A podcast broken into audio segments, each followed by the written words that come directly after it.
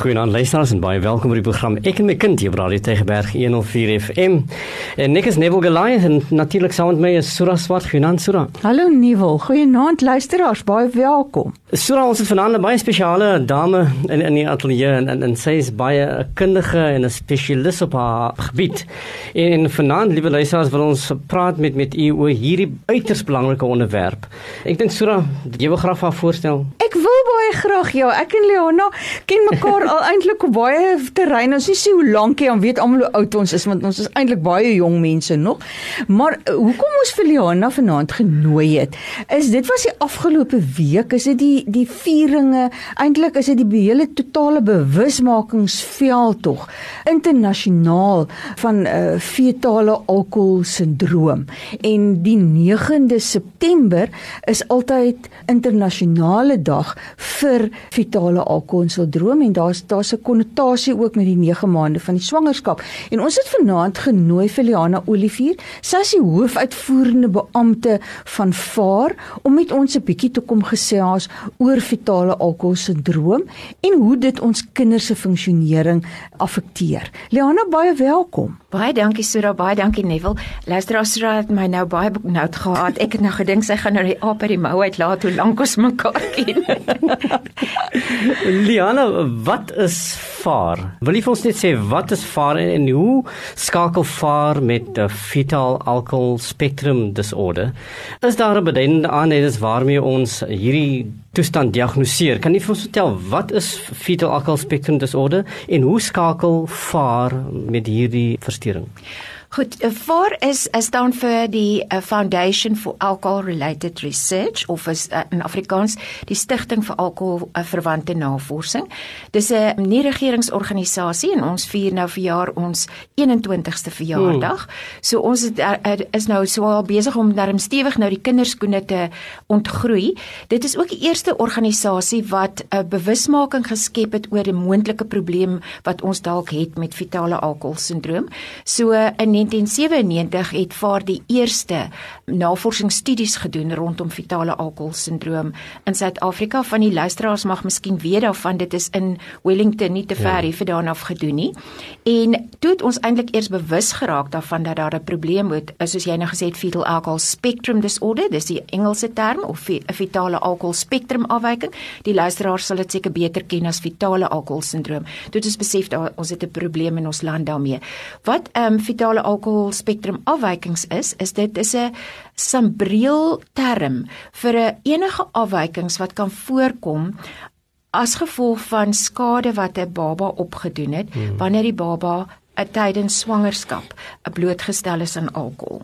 Met ander woorde 'n moeder wat alkohol gebruik het terwyl sy swanger is en die alkohol is dan soos 'n teratogeniese of 'n giftige substans wat die ontwikkeling van die selle van die baba se organe hmm. aantas en dan natuurlik veral die brein. So persone met fetale alkohol spektrum afwykings word dan altyd met breinskade gebore. Fetale alkohol sindroom is die ergste vorm van hierdie spektrum ja. van afwykings. Hoe word gediagnoseer? Is daar 'n sekere proses of sekere kundiges wat hier betrokke word? Nee, wel as mense op internet gaan kyk na fetale alkohol sindroom Google, die eerste ding wat opkom is so blouerige prentjie hmm. oor gelaatstrekke, tipiese gelaatstrekke. So ja. baie mense dink dit is hoe jy fetale alkohol sindroom diagnoseer, maar weer eens ek wil weer terugverwys na fetale alkohol spektrum afwyking, so daar's 'n hele koffer vol afwykings wat so 'n individu kan hê.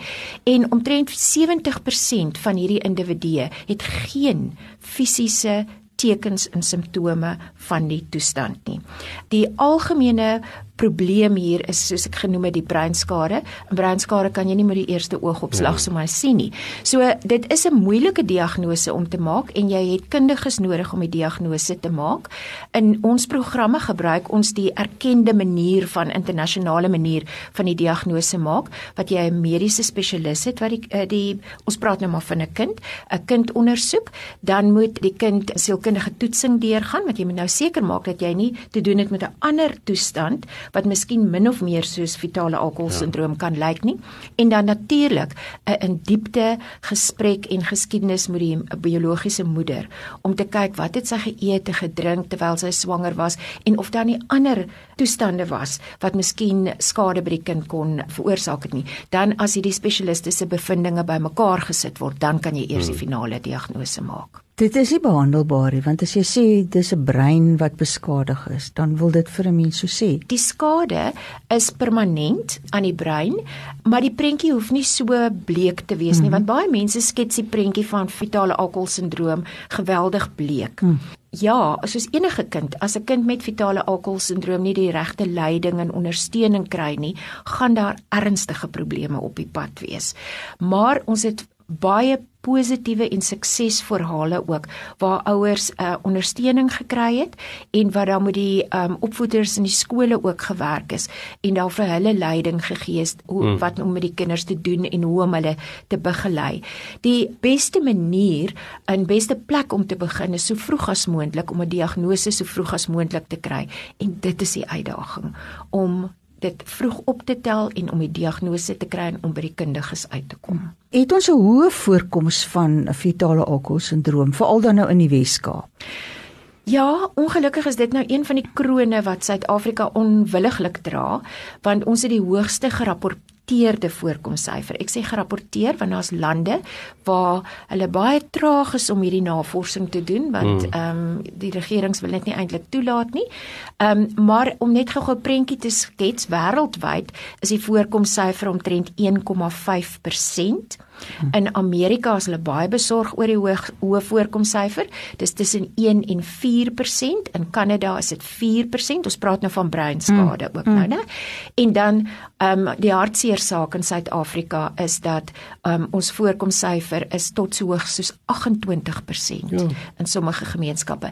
In die Wes-Kaap provinsies uh, wissel dit so tussen 6,7 tot omtrent 25%. So die Noord-Kaap het op die oomblik eintlik die hoogste voorkomsyfer voorkomsyfer in in Suid-Afrika. Ja, dit is 'n beduidende getal hmm. van ons kinders wat dan ook daardeur geaffekteer ja. word. Dis nee. tragies.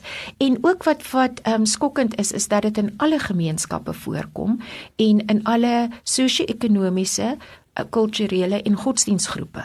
So dit is iets wat mense ook nie altyd besef nie en wat mense baie weer baar en weer losmaak vir die vir die ehm um, toestand.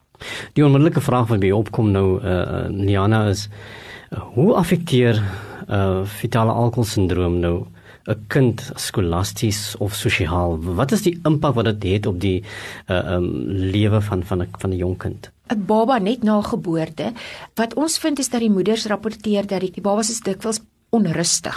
Jy weet asof hulle nie tot rus te kom nie. Soms ervaar hulle voedingsprobleme. Die luisteraars moet nou asseblief nou nie dink elke kind wat nie wil slaap nie of voedingsprobleme het, het nou fetale alkoholsindroom nie. En dan soms het is hulle hulle ontwikkeling agter. So dis 'n kind wat dalk bietjie langer vat om te sit, te staan en veral te praat.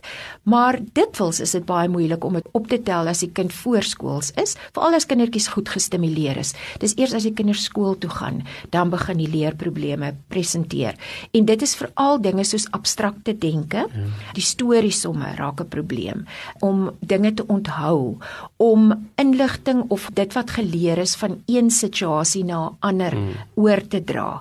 En daai tipe van dinge, dit so dit dit is op verskillende maniere speel dit uit en kan op verskillende maniere presenteer. Dit hang natuurlik af hoe erg die kind geaffekteer is. En dan dikwels vind ons ook dat die kinders baie aktief is. So sommige van hulle word verkeerdelik gediagnoseer met hiperaktiwiteit en aandagafleibaarheidssindroom. So ek weer eens luisteraars moet nou nie hmm. dink almal wat dit daai diagnose het het noodwendig fetale alkoholsindroom nie. Ek noem dit dat dit soms verkeerd gediagnoseer word en dan soms kry die kinders die etiket dat hulle stout is of hulle wil nie, hulle is jy weet weerstandig in daai tipe van dinge. En dit is bloot nie dat hulle nie wil nie, dis omdat hulle nie kan nie. Hulle sukkel hmm. om dinge te onthou en te leer. So daardie kind wat wat in die klaskamer is wat wat erge gedragsprobleme sou hê kon moontlik geaffekteer is, maar dit kan ook iets anders wees en dis waar hierdie diagnose so belangrik is. En, en wie betrokke is in daardie maak van daardie diagnose want dit kan verskillende ander dinge beteken. So so die ouers moet asseblief die regte kundige mense raadpleeg om die hierdie diagnose te kan maak. Ja, en ook die opvoeders wat luister, want baie keer kom ons in skole en dan sal 'n opvoeder vir ons sê die kind het 'n uh, fetale alkoholsindroom. Ja. En dan as ons vra hoe die kind gediagnoseer is, dan kry ons 'n antwoord soos hy stout, hy sit nie stil nie, hy wil nie hmm. leer nie en miskien weet die opvoeder iets van die huislike omstandighede of wat gebeur het en so aan. En dit is nie diagnosering nie, dis ja. dis etikettering. Hmm. En dit is 'n groot probleem. Ons sê altyd vir die opvoeders, jy het nie nodig om 'n diagnose te hê van 'n kind nie. Jy hanteer 'n kind in 'n klaskamer met die leerprobleme waarmee die kind presenteer. En dan raak die diagnose sien nie so belangrik nie. En in ons opleidingsprogramme met die skoolsielkundiges en die opvoeders ook, is dit ook 'n baie belangrike punt wat ons deurwerk. Maar vir baie ouers is dit baie baie belangrik ja. om 'n diagnose te kry, om 'n naam te kry vir die toestand en dan weet te weet wat om te doen veral in terme van dissiplinering en jy weet grense stel. Ja. Maar daar is daai ooreenkomste met ook ander en dit is vir my goed dat jy dat jy daarop klem lê dat dit gaan oor die hantering van dit waarmee die kind presenteer en nie die etiket wat jy dan op die kind wil plak nie. Watter ondersteuningsdienste is beskikbaar vir kinders wat gediagnoseer word daarmee of waar daar die vermoede is dat dit moontlik hier 'n rol sou kon speel en hoe kry ouers toegang tot daai dienste? As 'n mens vermoed dat jou kind dalk geaffekteer is, is die beste opsie om na die kliniek of die dokter toe te gaan. Maar hier kom nou ook met 'n waarskuwing. Daar ons het nog baie werk om te doen om professionele mense op te lei. Ehm um, en weer eens die stigma en etikettering maak dit baie moeilik. So In die Wes-Kaap provinsie gelukkig is ons luisteraars moet my glo dit is die die beste dienste wat ons hier hmm. het in Suid-Afrika.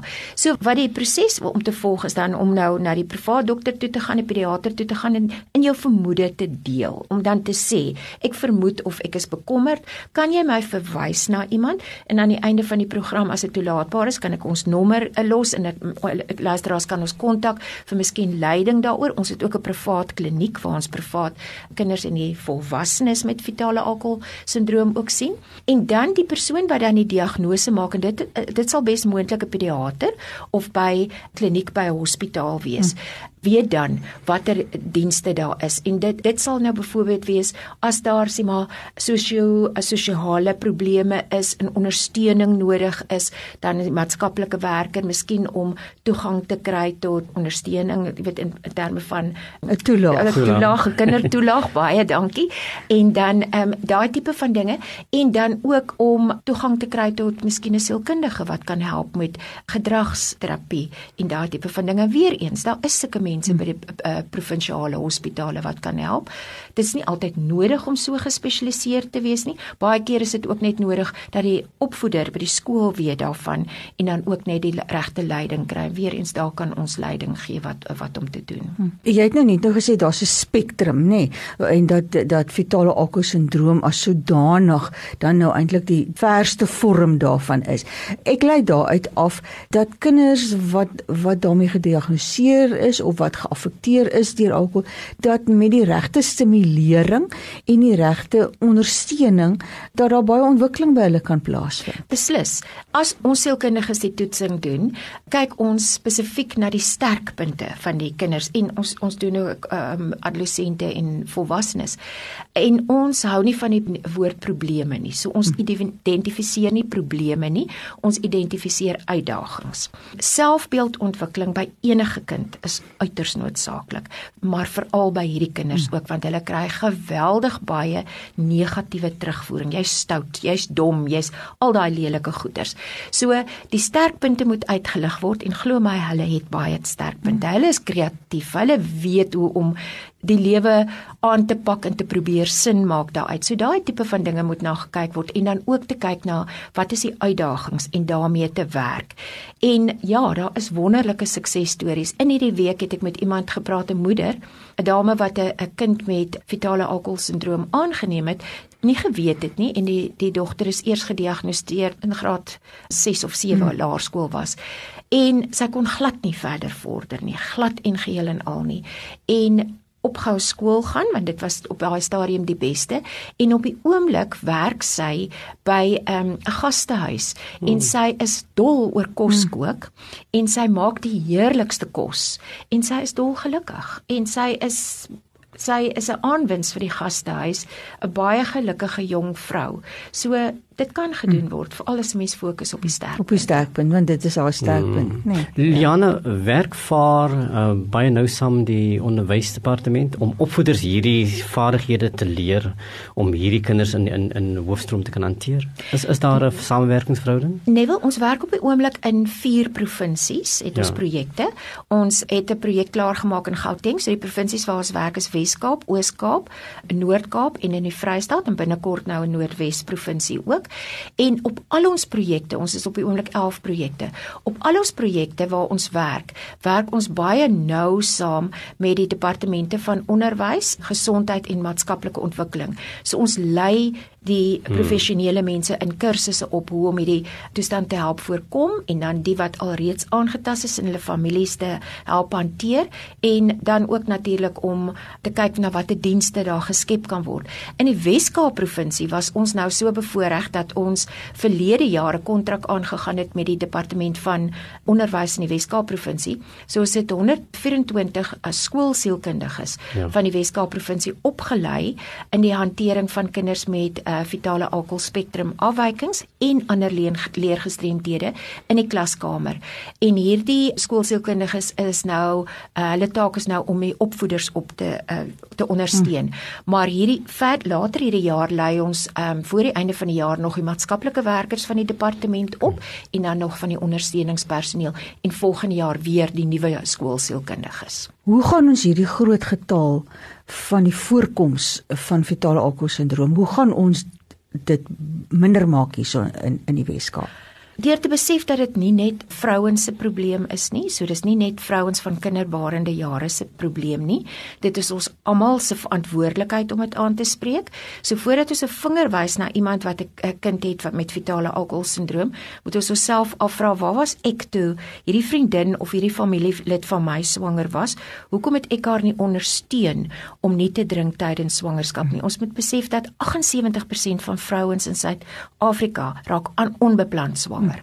So baie vrouens gaan bloot net voort om alkohol te gebruik ja, sonder dat hulle weet dat hulle swanger is. So dit is hoe baie keer babatjies skade hm. opdoen. So ons moet die help, almal wat nou gehoor het die boodskap moet help om asseblief die boodskap uit te dra en om swanger vrouens te ondersteun om nie alkohol te gebruik tydens swangerskap nie. En die dames wat swangerskappe beplan, onthou tog sodra u nie 'n gesinsbeplanningsmetode gebruik nie en seksueel aktief is, is daar 'n moontlikheid dat jy kan swanger hm. wees. So oppas maar met die met die alkohol. En dan natuurlik natuurlik om die 9de September elke jaar te help herdenk. Baie dankie. Dit het vir ons 'n groot klomp inligting gegee en ek dink baie van die mites wat daaroor fetale alkoholsindroom is, is tot 'n groot mate vanaand ook uit die weg uit geruim. Ons wil vir jou baie dankie sê dat jy ingekom het om met ons luisteraars te kan gesels en baie sterkte met hierdie wonderlike werk wat jy ook doen. Baie dankie, dit was 'n groot voorreg. Dankie. En totsiens aan Totsiens. Totsiens.